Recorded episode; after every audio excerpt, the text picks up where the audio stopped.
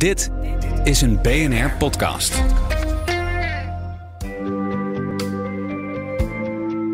Wetenschap in het kort met Carlijn Meinders. Marinebioloog Jeroen Hoekendijk onderzocht voor het NIOS en de Universiteit van Wageningen of het mogelijk is om het tellen van zeehonden met de computer te doen in plaats van met de hand. Hij legt zelf eerst even uit waarom dit een hele welkome innovatie zou zijn. Wat we zien in het Noordpoolgebied is dat het ijs heel snel verdwijnt. Uh, dat gaat um, enorm rap en de verwachting is dat in 2035 er in de zomer geen ijs meer ligt op de Noordpool. er zijn heel veel uh, dieren die zijn van dat systeem afhankelijk en ook heel veel zeezoogdieren, walvisachtige zeehonden, die gebruiken dat ijs als hun leefgebied. Wat we verwachten is als dat ijs verdwijnt, is dat die dieren allemaal nieuwe plekken gaan opzoeken om um, daar uh, verder te leven. En we weten eigenlijk niet zo goed waar ze naartoe uh, gaan verhuizen, waar ze zich naartoe gaan begeven. En om dat hele grote uitgestrekte gebied in de gaten te houden met uh, reguliere middelen, is uh, best wel lastig. Dus wat wij hebben geprobeerd in dit proefschrift is om nieuwe trucjes te bedenken, nieuwe methodes, waarmee we die zeezoogdieren in dat Noordpoolgebied in de gaten kunnen houden. Alleen dat Noordpoolgebied is heel erg ontoegankelijk. En daarom hebben we nu geprobeerd hier in onze achtertuin, uh, in de Waddenzee, uh, die methodes te ontwikkelen en meteen toe te passen. Een van die nieuwe methoden die ze hebben ontwikkeld is dus het automatisch tellen van zeehonden. Wat er normaliter gebeurt is dat er een vliegtuigje die vliegt over die kolonie zeehonden en dan worden er foto's gemaakt.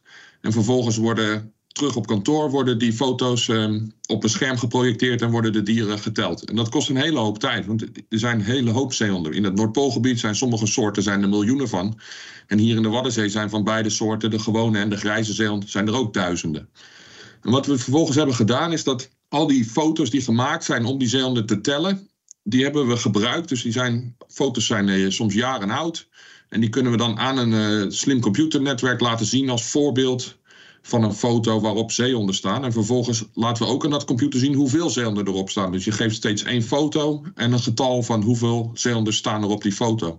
En als je dat maar vaak genoeg herhaalt, dan op een gegeven moment dan weet zo'n computernetwerk uh, zelfstandig zeehonden te tellen. En dat betekent dat wij als uh, onderzoeker een, hele hoop tijd winnen door niet meer uh, zelf handmatig die dieren te hoeven tellen vanaf de foto's. Nou maken ze die foto's nu vooral met vliegtuigjes. Gezien de grootte van het Noordpoolgebied vliegen die naar plekken waarvan ze weten daar komen die kolonieën voor. Dat wordt natuurlijk lastig als die dieren straks uitwijken naar andere gebieden. Dan zou het ideaal zijn als er satellietbeelden gebruikt kunnen worden. Alleen daarmee is het weer lastig om verschillende soorten van elkaar te onderscheiden. Ook daar is iets op bedacht. In de Waddenzee hebben we grijze en gewone zeehonden. Daar hebben we vervolgens luchtfoto's van bekeken, die van een hele lage resolutie zijn, waarin je dus niet op basis van uiterlijke kenmerken de gewone en de grijze zeehond uit elkaar kan halen.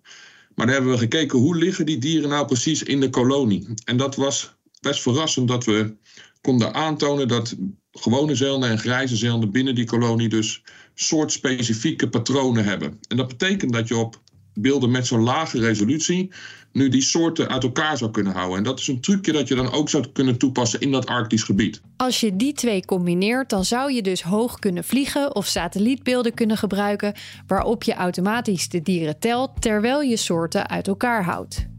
We weten nu in ieder geval dat het kan.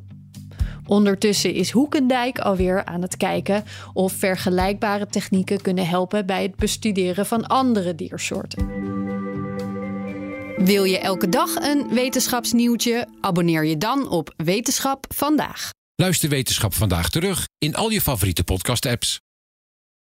Ook Hugo Reitsma vind je in de BNR-app. Superhandig die BNR-app. Je kunt alle programma's live luisteren, breaking nieuwsmeldingen. Je blijft op de hoogte van het laatste zakelijke nieuws. En je vindt er alle BNR-podcasts, waaronder natuurlijk de belangrijkste, Boeken zijn in de wijk. Download nu de gratis BNR-app en blijf scherp.